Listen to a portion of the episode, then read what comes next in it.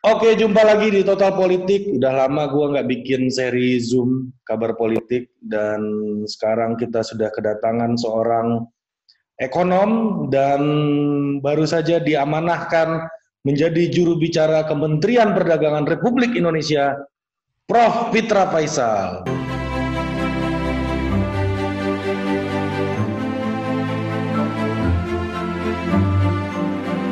Gue panggil Prof aja gue nggak peduli gelar lu apa. Kalau orang dianggap sudah layak di dipergurui kita panggil prof semuanya. Ya siap. Masa nanti ya. jangan nuntut aja. Nanti lo kayak nasibnya kayak pan ini apa namanya Anji. Kalau Anji kan nggak meriksa ijazah kalau gue kan masih cek lah CV-nya kayak iya. apa gitu kan. Ya. kayak gue manggil Rocky Gerung juga prof tapi nggak pakai F pakai V Pakai B, provokator. provokator. kawan nongkrong, kawan nongkrong. Jadi penggemar Rocky Gerung, lu gak usah sensi sama gua. Gua yeah. berkawan sama Rocky dari sejak gua maba 2008 tuh udah mengidolakan dia. Jadi jangan terlalu sensi. Iya, iya, iya. Nah, jadi gua, kan gue surprise, gue surprise lo masih beragama sekarang, Bu. Siapa? Lo. Karena Hah? berteman daripada 2008 ya, daripada 2008. Rocky itu dia religius. Religius ya? Religius. mungkin ya? Dia orang yang sebagai manusia dia religius lah. Maksud gua mungkin dia nggak mengikuti ritual agama secara institusional. Yeah, yeah. Tapi secara personal dia itu orang yang sangat religius. Dia percaya dengan apa namanya misalnya kekuatan yang besar gitu misalnya kan. Kekuatan yang besar termasuk negara Leviathan gitu. Dia percaya dengan itu gitu. menurut gua ya selama gua kenal Maroki gitu mengikuti dia lah. Nah Prof ini kan setelah COVID ini ada beberapa poin ada tiga kalau nggak salah gue ya target-target Kementerian Perdagangan ya. Uh, ada penyeimbangan apa menjaga stabilitas neraca dan lain-lain tuh ya. Ada target-target tiga tuh Kira-kira setelah COVID ada revisi target atau seperti apa, Prof? Uh, ketika jelang uh, katakanlah kita mau bangkit dari COVID ini. Ini kita bicara neraca dagang atau ekonomi, perekonomian secara umum? Ya, terserah Prof Fitra lah. Gue kan nggak pernah belajar ekonomi yang mana. Pokoknya gue baca lah target-target Kementerian Perdagangan apa gitu. Kalau gue ngibul lo nggak tahu dong. kan publik tahu. Publik tahu.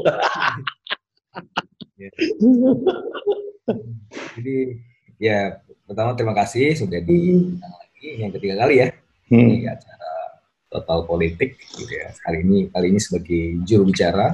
Hmm. Uh, Alhamdulillah kemarin sudah diamanahkan uh, gitu ya. Gue curiga mungkin karena gue orang Minang ya. Jadi perdagangan udah nih udah Kementerian Perdagangan disuruh ngomong lagi kan? Iya iya iya iya. Bisa abis ini bisa gue atur lu jadi juru bicara tanah abang abis ini.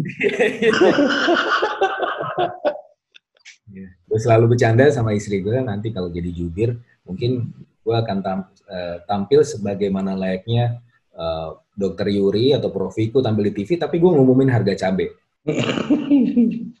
ibu hari, hari ini harga cabai sekian Nah, tapi oke itu is only joke. Baik lagi ke ekonomi ya. Jadi COVID itu apa sih dampaknya buat perekonomian? Dampaknya cukup signifikan ya. Jadi kalau kita lihat sebenarnya memasuki tahun 2020 perekonomian Indonesia situ sudah uh, sudah hampir bangkit lagi ya. Dan dulu sering gue bilang bahwa kita terjebak dalam spiral 5% dan eh, seperti 2020 ya itu sudah ada tanda-tanda kita keluar dari jebakan tersebut. Uh, ini beberapa di antaranya adalah buah dari investasi infrastruktur di periode pertama Jokowi JK. Yang mana periode uh, investasi di infrastruktur itu tentunya butuh waktu. Dan setidak-tidaknya kalau misalnya kita pakai early indicators, uh, bisa kita lihat di tahun 2020 ya, di mana uh, apa Eh, indikator-indikator perekonomian itu menunjukkan uh, arah-arah yang semakin baik. Nah, uh, kalau kita lihat dari apa angka-angkanya ya di bulan Januari dan juga di bulan Februari, setidaknya kita bisa lihat misalnya dari Purchasing Manager Index. Nah, dari Purchasing Manager Index itu atau indeks yang sebenarnya menunjukkan geliat industri ya, itu dari Januari ke Februari itu naik dan bahkan di bulan Februari itu angkanya sampai uh, 51. Artinya sudah masuk masa ekspansi. Semakin besar indeksnya semakin bagus. Nah, kalau kita bandingkan dengan beberapa tahun terakhir ini adalah angka yang eh, apa paling baik ya di antara beberapa tahun terakhir gitu.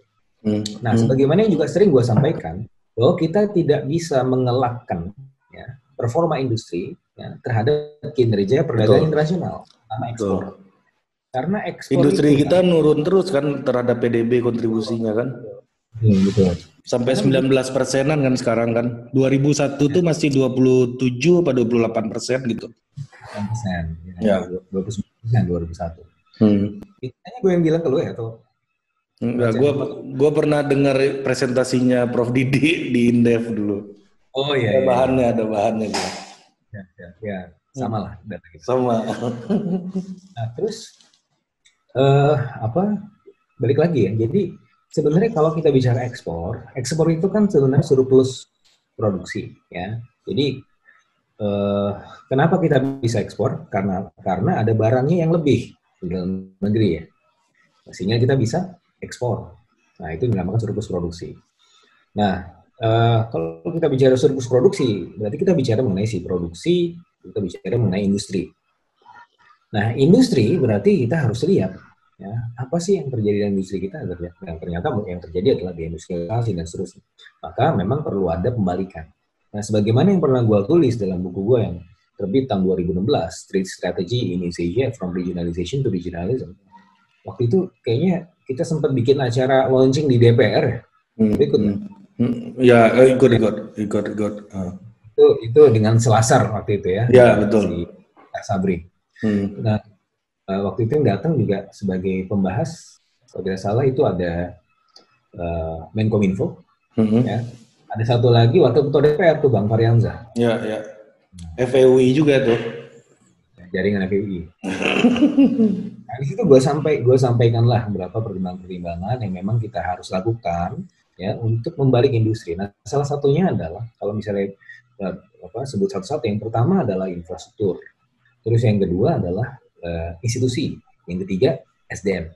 Hmm. Nah, uh, ini ya tugas yang berat gitu ya. Tetapi setidaknya pemerintah sudah melakukannya di periode pertama. Invest banyak di infrastruktur, meskipun dampaknya tentunya tidak bisa segera. Tapi dampak yang tidak segera itu bisa kita lihat sebenarnya memasuki di periode 2 ya eh, di tahun 2020 terutama dengan indikator-indikator tersebut. Akhirnya apa? Dengan kinerja industri yang moncer, uh, di bulan Februari sebenarnya ekspor kita naik. Ya. Okay. Okay. Ekspor kita naik yang selama, selama beberapa tahun ini kita selalu terconstrain ya dengan kinerja ekspor yang memang buruk, tapi ini justru naik di bulan Februari. Dan tidak tidak hanya itu, kita juga mencetak surplus. Ya, nah, karena surplus karena migas impornya harganya lagi turun kan ini minyak kan. Betul. Nah, biasanya surplus ini terjadi ya ini tentunya bukan yang pertama kali terjadi udah sering juga beberapa kali lah ya. Meskipun uh, trennya masih defisit ya. Jadi sebelum tahun 2020 itu kita masih defisit neraca perdagangannya. Um, nah uh, kalaupun terjadi surplus di sebelum tahun 2020 ya itu terjadi bukan karena ekspor yang meningkat Betul. tetapi karena impornya yang jauh turun ya, lebih dalam dibandingkan dengan ekspornya jadi Betul. ini kondisi yang sebenarnya mengkhawatirkan. Kenapa? Karena 80 atau 90 persen ya impor kita untuk barang modal dan barang kebutuhan industri. Betul, betul. Ini sangat memperparah. Barang ini ya apa istilahnya tuh 90 persenan tuh bahan bahan baku penolong ya. Betul, betul. Hmm. Nah itu kan dibutuhkan untuk industri ya hmm. untuk kemudian kalau industri ketika uh, mendapatkan bahan baku itu bisa, bisa memproduksi, memproduksi untuk domestik dan kalau ada, uh, bisa ada lebihnya diekspor, gitu kan? Hmm. Itu kan. Nah, jadi tidak sustainable. Jadi justru mengkhawatirkan kalaupun terjadi surplus, surplusnya tidak sustainable. Nah, masuk tahun 2020, di bulan Februari sudah ada ya peningkatan itu. Apalagi waktu itu ada China yang kena COVID di tahun 2019, makanya kita menamakannya COVID-19 ya karena terjadi di tahun 2019 dan pada saat itu banyak negara-negara besar yang justru juga mulai beralih gitu ya ke negara-negara lain karena China terbatas stoknya dicari ke tempat lain gitu. Nah, salah satu Indonesia ya. Nah, hmm. baru kita bisa menangkap peluang itu ya dengan industri yang naik, terus kemudian ada demand yang meningkat sebagai akibat dari mereka beralih dari China. Eh, kena COVID bulan Maret ya, kasus nomor hmm. satu dan nomor dua. Nah, Uh, yang waktu itu dulu pernah gue bahas juga kasus COVID ini sebenarnya uh, uh, awalnya memang lebih banyak memicu ketakutan, gitu ya, ketakutan pasar. Sehingga indikator-indikator makroekonomi kita pada saat itu ya kita lihat. Misalnya ada dua ya yang sering diperbincangkan pada bulan Maret IHSG dan juga uh, nilai tukar. Ya. itu kan nah, nilai tukar terdepresiasi nilai apa IHSG kita stok market kita terdepresi uh, IHSG sampai level 3 ribuan, um, bahkan nilai tukar kita hampir 17 ribu. Nah, yang terjadi apa? Apakah um, karena masalah fundamental? Nah, tadi gue udah bilang, masalah fundamental ekonomi kita membaik. Justru dengan naiknya surplus, dengan adanya surplus tersebut, itu um, seharusnya memberikan dorongan yang positif buat rupiah, gitu ya. Ditambah betul, lagi, betul. Januarinya ada stimulus dari Amerika Serikat yang itu seharusnya bisa meloncat juga ke emerging markets termasuk di Indonesia. Nah, tetapi dorongan fundamental itu ternyata tidak cukup. Yang cukup dominan pada saat itu adalah ketakutan pasar. Sehingga heboh ya uang di apa uang kemudian keluar gitu ya ada capital outflow ya itu pada akhirnya menggerus uh, harga dari stock market juga mendepresiasi nilai tukar. Padahal seharusnya nilai tukar dan ISG pada saat itu tidak berhak di, di level di level yang seperti itu gitu ya. Masih bisa lebih kuat lagi seharusnya karena fundamental kita mendukung. Nah hingga akhirnya kemudian pemerintah bisa menjinakkannya di bulan April ya uh, dengan beberapa hal yang dilakukannya. Kalau kita lihat timelinenya jadi uh, ada apa wacana untuk kemudian apa, e, menurunkan paket stimulus skala hmm. besar. Yang kedua adalah intervensi Bank Indonesia yang juga sudah semakin intensif. Dan yang ketiga adalah PSBB. Nah, PSBB ini memang di satu sisi kesannya memang mengkontraksi pertumbuhan ekonomi karena memang ada semacam pembatasan. Tapi di sisi yang lain ini semacam memulihkan kepercayaan juga. Karena ketika ini maka market melihat oh pemerintah sudah lebih jelas dengan uh, apa namanya intervensi-intervensinya. Di sebelumnya kita nggak ngerti COVID ini makhluk apa, ya sampai akhirnya kita berusaha untuk kemudian uh, mengatasi masalah-masalah tersebut. Nah, tetapi ya karena dibatasi juga ya pada akhirnya juga ada konsekuensi-konsekuensi lain. Salah satunya adalah yang tadi saya uh, sebut itu Purchasing Manager Index yang tadi sempat ke 51 di bulan Maret uh, itu turun sedikit ke level 47, 48 Nah, di bulan Aprilnya itu ke 27. Anjlok banget gitu ya. Jadi apa namanya itu adalah periode-periode terburuk ya di tahun 2020 eh, karena pandemi. Nah, tapi kemudian eh, ada perbaikan lah ya. Jadi ketika PSBB sudah mulai masukin PSBB transisi, pemerintah juga mulai uh, aware ya terhadap uh, apa namanya kasus apa namanya uh, upaya-upaya untuk penanggulangan COVID dan kemudian paket stimulus kemudian mulai uh, sedikit-sedikit mulai dikeluarkan gitu ya. Nah, uh, trennya kalau kita lihat dari Purchasing Manager Index itu mulai berbalik ya, apalagi semenjak kalau tidak salah itu di bulan ya masih di bulan April ya, masih di bulan April itu ada kalau nggak salah di tahun tanggal 8 Aprilnya ada perpres yang juga diinisiasi oleh Kementerian Perdagangan uh, untuk melakukan relaksasi impor barang baku dan barang modal hmm. ya relaksasi impor bahan baku dan barang modal. Dan kalau kita lihat secara korelasi itu sepertinya turut membantu ya perbaikan tren perbaikan dari purchasing manager index. Jadi tren PMI itu turut naik gitu ya. Ada turning pointnya di situ. Yang sebelumnya 27 naik lagi ke 30 gitu ya. Dan sampai lagi naik-naik terus sampai mencapai peaknya di bulan Agustus 50,8. Masuk lagi masa ekspansi Nah, itu salah satunya adalah karena intervensi non fiskal. kalau Pak Jokowi sering marah-marah dari intervensi fiskal itu sepertinya mandek, ya. Uh, tetapi intervensi non fiskal itu sepertinya dalam periode ini uh, bisa lebih efektif karena ya, birokrasinya tidak terlalu rumit untuk kemudian melakukan itu. Nah, uh, sorry Prof, uh, bedanya apa nih? Kan penonton gua kan agak-agak uh, ada sebagian yang katro ya kayak gua gitu kan. Apa bedanya nih intervensi fiskal sama non fiskal? Kalau fiskal kan lewat metode uh, government spending ya. Betul betul ya. Nah, kalau non non fiskal gimana? Satu ada uangnya, yang satu nggak pakai uang. Hmm, oke oke oke. Fiskal stimulus gitu kan, hmm. keluar dicairkan. Ya satu lagi policy ya berarti bentuknya ya, apa namanya rule apa regulasi ya.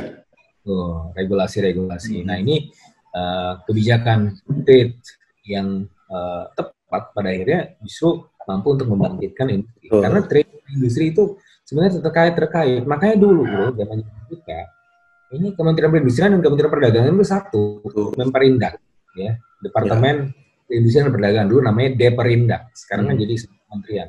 Dulu namanya Deperindak, Departemen Perindustrian dan Perdagangan. Mungkin anak milenial nah, itu juga masih milenial sih. Tapi yang milenial mungkin dekat-dekat dengan itu uh, lebih gitu ya. Mungkin nggak nggak pernah dengar istilahnya ya. Yang tahu sekarang ada Kementerian Perdagangan ada Kementerian Perindustrian. Padahal semua itu saling terkait ya. Sehingga ketika uh, ketika ada apa namanya uh, kebijakan relaksasi itu ya industri-industri ini bisa menangkap gitu ya. Bisa kemudian mendapatkan uh, impor bahan baku dan barang modal yang dibutuhkan untuk kemudian melalui kinerja industri ini. Sehingga di bulan sampai bulan Agustus itu naik masuk lagi ke level ekspansi. Nah, tetapi harus turun lagi di bulan September. Ya. Kenapa turun? Karena ada PSBB jilid 2. Tapi yang menariknya, nah ini. Jadi kita jadikan PSBB ini menjadi salah satu uh, faktor kontrol gitu ya atau faktor intervensi yang bisa kita bandingkan. Di PSBB jilid satu ya. Jadi sebenarnya kan katanya PSBB itu memang tidak pernah dicabut. Yang ada adalah PSBB yang PSBB ada PSBB transisi gitu kan. Terus ada ya. PSBB lagi. Jadi ini ya PSBB yang jilid satu. Rem tangan darurat istilahnya kan. Ya, rem, ya, rem tangan darurat. Kalau rem tangan darurat berarti ngedrift dong. Ya. Ya, kalau supirnya nggak handal itu bisa kebalik. Iya, betul, betul. Emang harus profesional. profesional. Jadi kembali lagi, dulu uh, itu kita mengalami sebenarnya shock yang cukup signifikan di periode pertama, ya karena kalau setidak-tidaknya kalau kita lihat dari industrinya itu turun ke level 27 dari sebelumnya uh, 48 ya anjlok.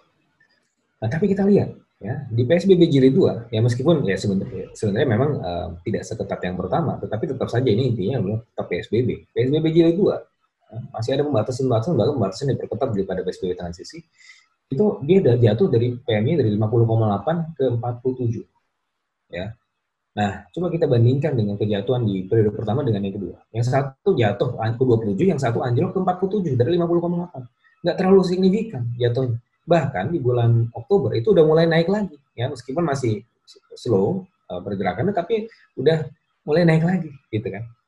Nah, artinya kalau dari sisi itu perekonomian kita sudah cukup adaptif, ya sudah cukup solid, ya. Uh, dan ya pada akhirnya eh, gue berani bilang bahwa kita sudah mencapai turning point itu. Memang betul kita mengalami resesi, ya resesi sebagaimana yang sering kita dengar adalah peristiwa di mana ada kontraksi ekonomi dua periode dua kuartal berturut-turut ya. Meskipun ya tentunya ada banyak juga definisi yang lain tetapi yang dijadikan konsensus yang yang juga kemudian paling gampang dimengerti adalah dua kuartal kita lihat. Nah di kuartal kedua kita itu tumbuh eh, minus 5,3 eh, persen ya. Terus kemudian di kuartal ketiganya kita tumbuh minus lagi, minus 3,49 persen. Artinya dua periode berturut-turut, dua kuartal berturut-turut mengalami kontraksi. Ya. Hmm. Nah, eh, tapi meskipun yang 3,9 persen ini minus 3,49 persen ini, ini berada berada meleset ya, jadi meleset dari uh, levelnya uh, atau level proyeksinya pemerintah dan juga kebanyakan ekonomi yaitu maksimal 3%, minus 3%, ini sampai minus 3,49%. Tapi tetap saja ini suatu hal yang yang uh, perlu kita syukuri ya kita kita ya buruk ya tapi tidak buruk-buruk amat ya. Karena kalau dibandingkan antara kuartal ke kuartal ya justru kita tumbuh 5,05 persen bro. Hmm. 5,05 persen. Ya, artinya sudah ada turning point itu. Dan uh, nyatanya ya selain intervensi non fiskal tadi, intervensi fiskal semakin signifikan gitu ya.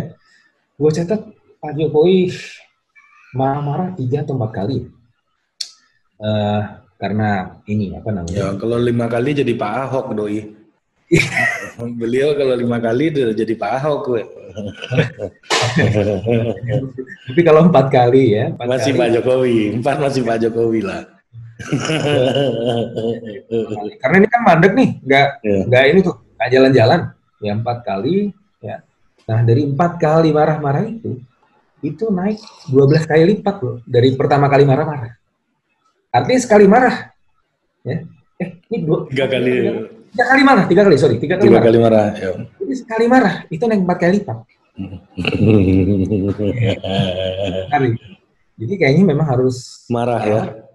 Iya, kalau coba kalau presidennya Pak Ahok mungkin berapa kali itu ya naiknya ya. Ada thresholdnya. Kalau misalnya marah tingkat kemarin terlalu tinggi ya mungkin nggak turun tinggi. turun lagi. ya, jadi ya ini kan pakai teori McGregor lah. Kita kasih reward dan punishment gitu ya hmm. dengan seimbang. Nah ternyata ya bagus ini. Jadi sudah hampir 50 persen, sudah 50 persen bahkan lebih. Dan uh, meskipun belum semua, tapi estimasi gua gitu ya Uh, jadi uh, setidak-tidaknya ya uh, dana pen ini itu sumbangannya antara satu sampai satu setengah persen terhadap uh, apa namanya pertumbuhan ekonomi. Jadi kalau misalnya tidak ada dana pen, ya, itu mungkin kuartal ketiga bisa lebih buruk lagi, gitu. Karena apa? Karena faktor pendorongnya itu sekarang ini ya udah banyak ekonomi yang menyebutkan bahwa ya ya ini adalah primary driver pada saat pandemi ini adalah government dan post pandemic kekuatan government mungkin akan jauh lebih Betul. besar untuk mereka. Nah, Prof, kalau ngelihat Amerika ini hasil pemilu Amerika Biden nih yang menang nih, kayaknya ya kemungkinan besar nih. Kalau Trump udah, orang Trump udah mengakui kok di Twitter, ya dia bilang dia dia dia menang karena uh, curang. curang. Ya. udah udah dia udah mengakui. Iya, makanya ini ini masih demo nih di MK di sana. Nanti malam mau kita bahas sama Pak Mansam, gitu kan, masih demo. Nah misalnya Biden nih, kira-kira ya, kan karakteristiknya sangat uh, apa pasti akan lebih aktif di WTO lagi gitu, TPP mungkin hidup lagi seperti zaman Obama dulu gitu kan. Terus uh, mungkin perang lagi di Timur Tengah gitu ya gua duga ya. Karena Trump kan Trump ini sejelek-jeleknya Trump ini menurut orang-orang liberal ya, termasuk liberal yang di Indonesia gitu. Kan di tempat gua ada acaranya WW juga kan Wimar Witular. Nah Wimar Witular tuh pokoknya Trump ini sampah semua kan. Apa kebaikan Trump gue? Gak ada. Jadi maksud gua eh, di tengah itu ya gue bisa bilang Trump ini agen perdamaian di Timur Tengah jadi Amerika hmm. kurang tuh aktivitas perangnya di Timur Tengah selama Trump jadi uh, presiden gitu ya.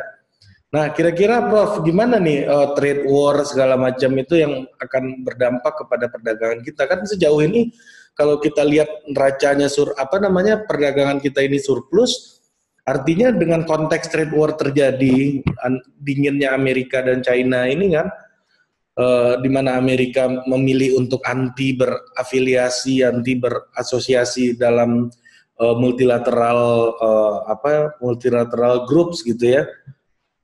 ya. Kita ternyata surplus. Apakah dengan adanya kebijakan ekonomi dari Biden nanti akan berpengaruh negatif nih buat kita gitu?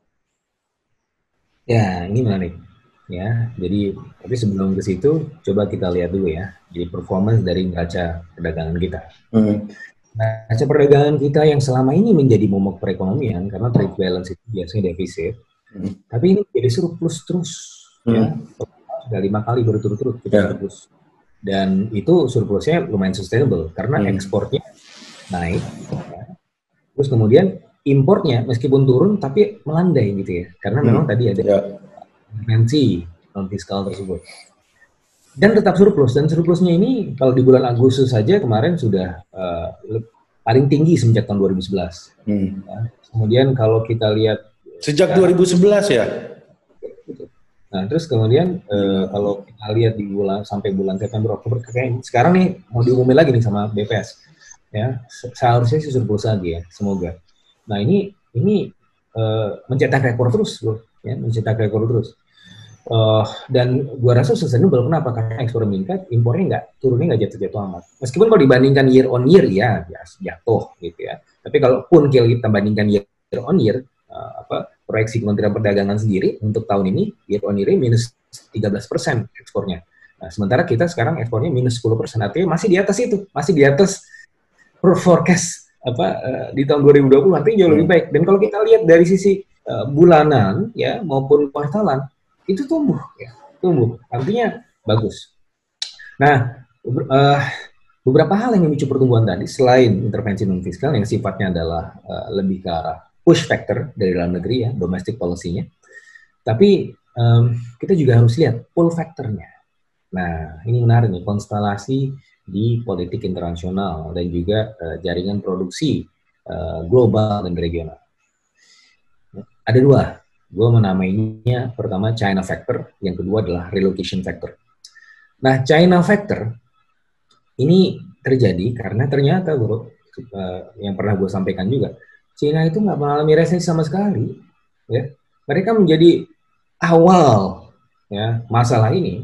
Ya, tentunya kita nggak bisa menamakannya menjadi kung flu itu nanti bisa di ban gue. Ya, karena itu yang dinamakan oleh Trump gitu ya dan pendukungnya kung flu ada China flu segala macam hmm. asosiasi.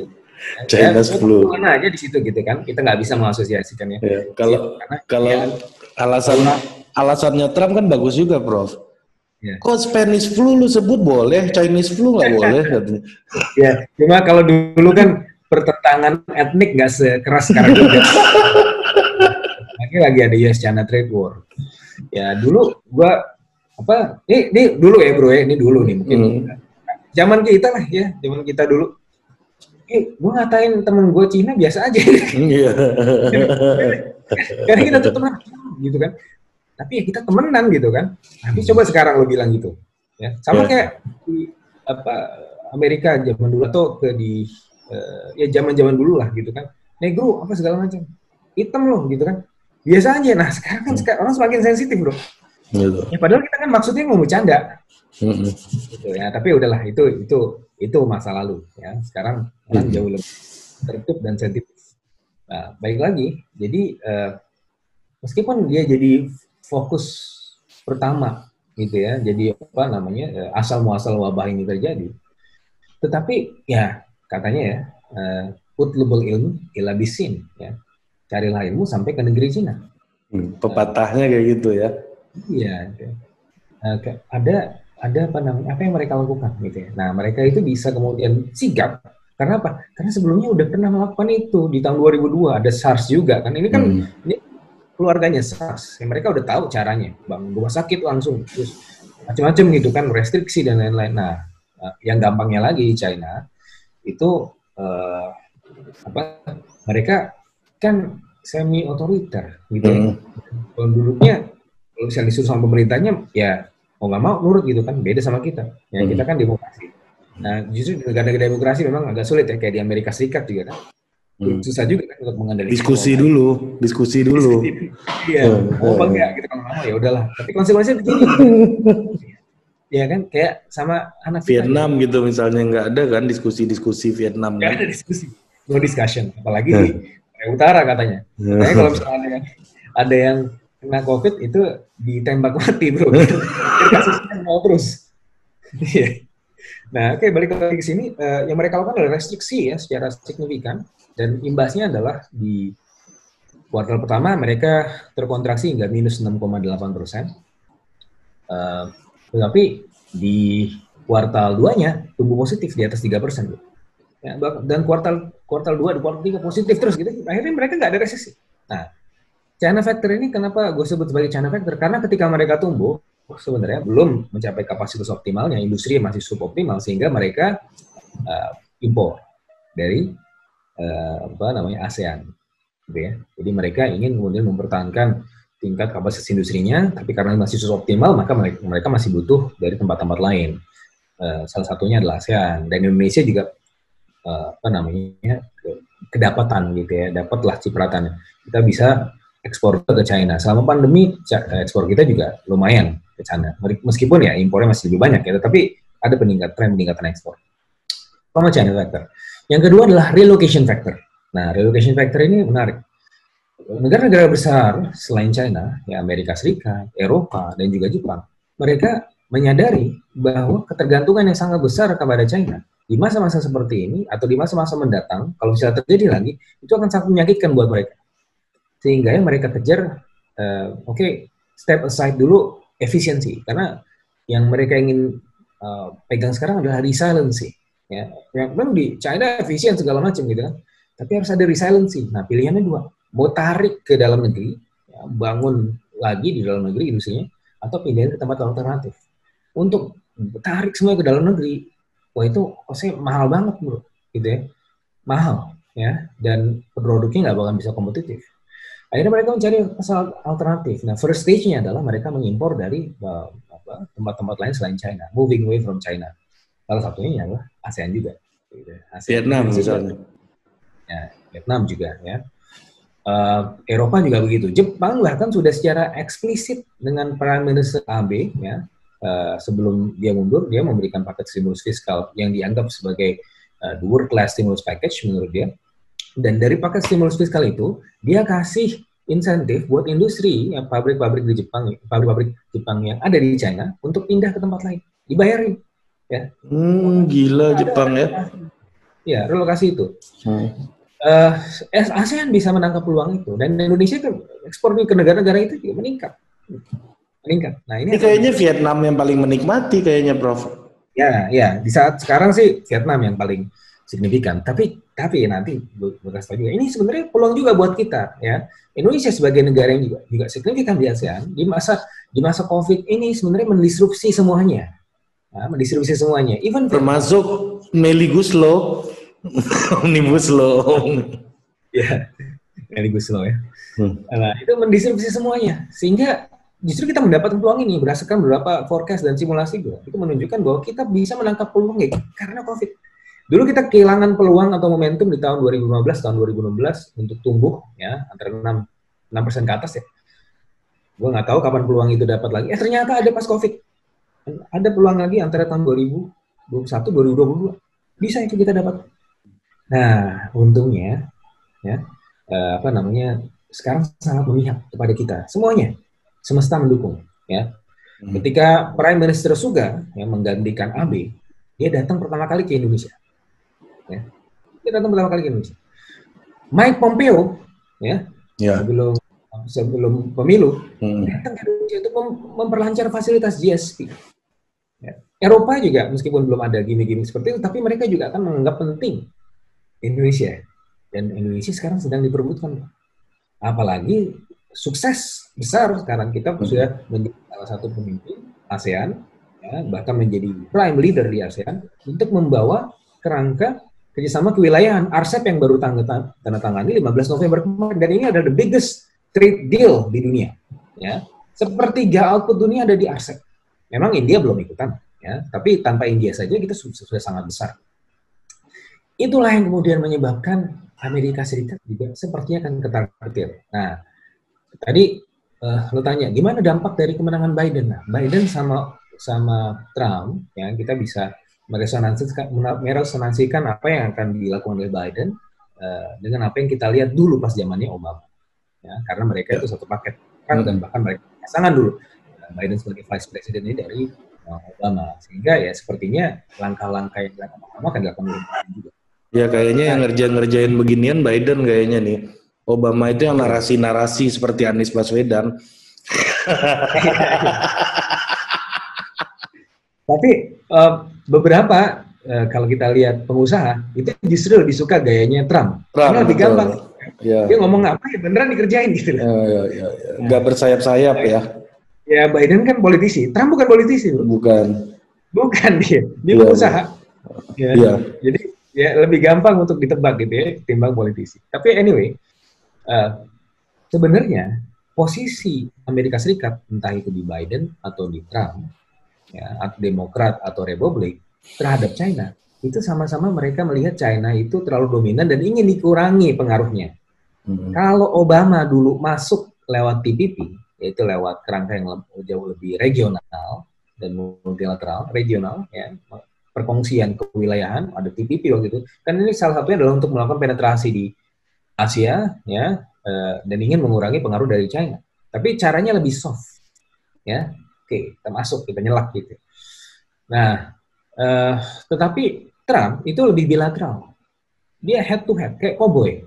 Hmm. Ya, kalau di film-film cowboy kan sukanya head to head, ya, uh, apa, yeah, iya, saling yeah. saling tembak di high noon. Ya. Yeah.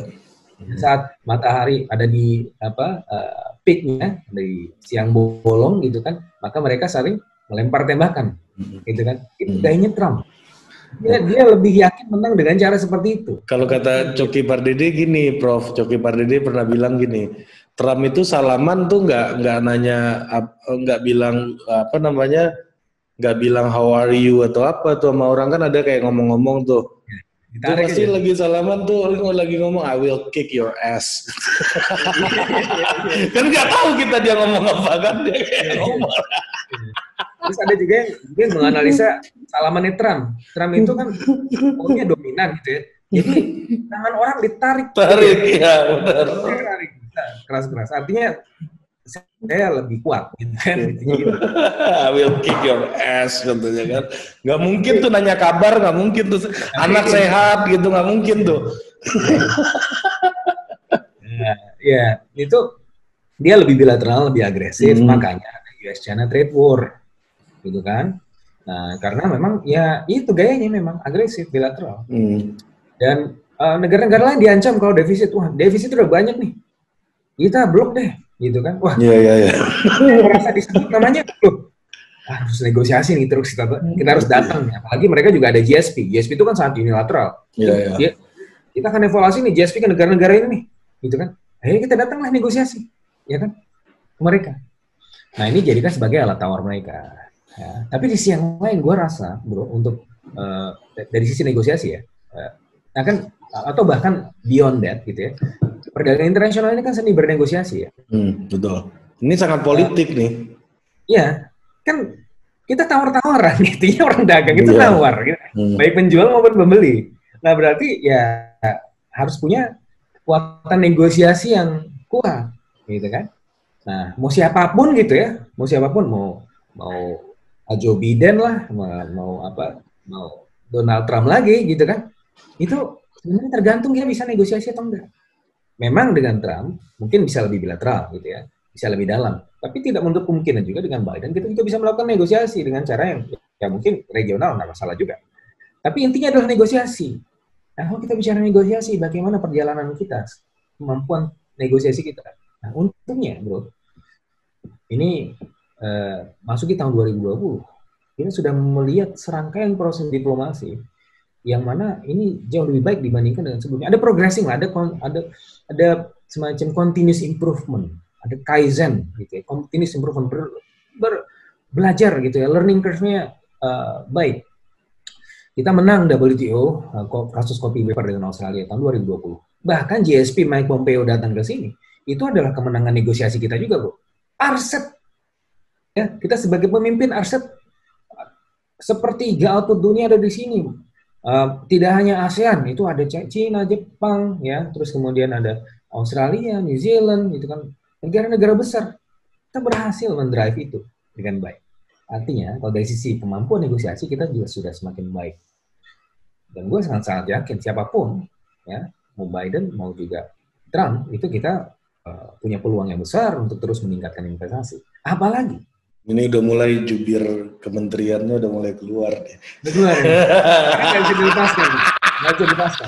Enggak, tapi gini, ini menarik nih. Tadi lu bilang soal Jepang akan bayar pabrik-pabriknya yang di China untuk pindah cari tempat lain karena COVID ini membuat orang uh, berubah perspektifnya gitu ya. Don't put all your eggs in one basket gitu ya. Biasanya kalau dulu kan gitu, udah di China aja semua gitu kan. Nah kalau sekarang kan jangan taruh semua telur di keranjang yang sama kan gitu pesannya kira-kira gitu loh, Prof. Nah ya kan. Nah jadi uh, ya uh, kalau lihat trennya ya Vietnam yang paling yang paling ini kan yang paling menikmati nih hari ini. Nah uh, ini juga uh, berarti COVID ini juga secara tidak langsung mendukung misi Amerika juga ya untuk mengurangi pengaruh China gitu ya. Secara tidak langsung gitu. Karena ya. telurnya nggak ditaruh di di China semua gitu kan, dipisah-pisah gitu. Ya, jadi jadi terdis nah nah ini China juga bangsa pedagang bro.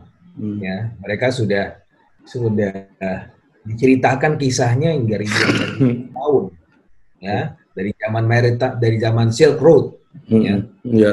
One Belt One Road.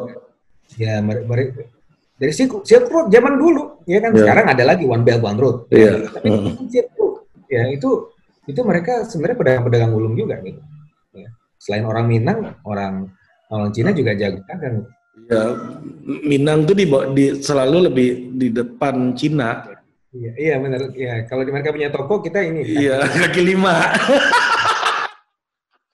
iya betul ini gue dibully nih sama padang-padang nih di sini nih gue juga jadi kita iya. nah terus terus uh, begini jadi yang salah satu strategi ya dari China adalah juga mempergunakan RCEP ya Regional Comprehensive Economic Partnership ini. Jadi sebelumnya sebenarnya inisiator yang juga awal-awal yang justru mengendorse paling keras adalah uh, awalnya Jepang. Oke. Okay. Uh, China sebenarnya dulu lebih nyaman dengan kerangka ASEAN Plus 3. Ya. Tapi Jepang sepertinya dia nggak mau bersaing head to head dengan China. Nah, Jepang itu sangat Jawa, Jawa. Nggak mau kontroversi lah. Gitu ya. Iya, dia, iya. dia cari jalan lain. Ya, salah satunya adalah dia mengajak yang lain, New Zealand, Australia, India, gitu ya. Jadi dia nggak usah bersaing head to head, ya, tapi bisa membawa yang lain. Uh, nah waktu itu China nggak terlalu oke okay dengan ini. Meskipun ya dia inisiator juga, tapi sebenarnya dia ingin lebih mempush ASEAN Plus 3. Tapi kenapa kemudian mereka lebih uh, signifikan gitu ya uh, gerakannya post 2016? Karena US China trade war ini mereka harus tone down juga. Mereka rasa bahwa ini RCEP adalah jalan keluar buat mereka juga untuk mempertegas uh, jaringan rantai rantai produksi mereka di ASEAN dan juga negara-negara lain gitu ya. Nah, sehingga uh, ya selalu ada jalan gitu ya. Meskipun ya tadi terdiversifikasi dan China tahu bahwa ini ada terdiversifikasi dan untuk mengamankan pasarnya juga untuk mengamankan jaringan produksinya. Harus diberdayakan. Gitu. Nah pastinya sekarang Amerika Serikat yang lagi ketar-ketir nah mereka sepertinya akan merevive lagi TPP ya. Meskipun masih 50-50 ya, ya. Masih 50-50 atau uh, namanya diganti mungkin namanya Ya, bisa lagi ya. Atau ya. PPT. Jadi, ya, barangnya sama. Iya, barangnya sama. Karena waktu itu kalau nggak salah ya, bro, uh, ini kan ini kan warisan Obama Biden ya. Terus kemudian pas zaman Hillary, yang mana dia juga uh, Demokrat kan, itu sebenarnya mau Demokrat atau Trump yang uh, menang, uh, Hillary atau Trump yang menang waktu itu, sebenarnya Hillary juga pengen keluar dari TPP. Ya, dia pengen hmm. ya Uh, karena memang kalau bicara mengenai forecast uh, apa ekonometricsnya itu buat buat Amerika Serikat sebenarnya nggak terlalu menguntungkan juga untuk di TPP. Ya, uh, tapi ini jauh lebih uh, ekonomi politik loh. Ya, tapi kan secara power kan teraktualisasi di sana karena Amerika anggota utama, eh, apa founder ya, apa istilahnya inisiator. Yes, nah itu yang memang ingin dicari. Hmm. Uh, nah, Uh, jadi meskipun masih 50-50 tapi gue rasa kayaknya sih ada ya ada peluang lah gitu ya untuk Biden kemudian merevive lagi TPP ini atau apa nanti namanya ya. Karena ya udah ada RCEP ini RCEP ini jadi game changer juga buat mereka. Hmm. ya kan nggak mau juga loh mereka. Kalau dengan ada RCEP artinya apa? Ada trade diversion buat Amerika Serikat sendiri. Hmm. yang sebelumnya ber, berdagang dengan Amerika Serikat ini udah bikin perkumpulan perkongsian ada bikin grouping terus ada diskon diskon besar besaran di sini ya orang ke sini lah ya hmm. berdagang antar wilayahnya gitu kan yeah, di sana yeah, ada diskon nah itu loh yang yang yang seharusnya membuat Amerika khawatir dan ingin merevive lagi. Tapi ini mau dia melakukan itu juga sebenarnya Indonesia kan jadi penting dan akan diajak juga ya. Hmm. Nanti kita, kita lihat dia menjadi TPP track, RCEP ini menjadi hmm. Asian track, ujung-ujungnya ketemu juga dalam FTA Asia Ya, ya, ya, ya, ya, ya. Pada akhirnya kalau berdasarkan forecast atau uh, apa simulasi-simulasinya, ini sebenarnya jauh lebih menguntungkan juga buat kita kalau misalnya ikut semua. Ya. Hmm. more the merrier, gitu ya. The more the merrier. Ya, ya. ya. Yang penting ngumpul, gitu kan. Nah, Dan ini diadopsi oleh ASEAN di ASEAN Way. Di ASEAN Way ini adalah kita karakteristiknya adalah open, open regionalism. Kita bisa mencok ke sini, mencok ke sana, nggak jadi soal. Kan kita banyak, gitu kan. Ya, kayak Uni Eropa, Uni, Uni Eropa ya. Jadi temannya Ajo Biden, ya satu Ajo. Ya, Ajo. Orang Pariaman ini. Ajo Biden. Ajo Biden. Jadi Uni Eropa ini, ini kan tertutup. Ya, jadi semuanya harus saya kan di sini segala macam. Kalau misalnya mau kita deal satu-satu nggak bisa juga. ASEAN terbuka. Nah itu yang kemudian membuat ASEAN sepertinya betul, ya, betul, ya, betul. aja. Kita punya ASEAN kita terbuka dengan semuanya dan itu juga konsep RCEP juga terbuka. Nah ini yang kalau Uni, Uni Eropa agak-agak ribet-ribet di ribet. Uni Eropanya ya kan. Betul, betul.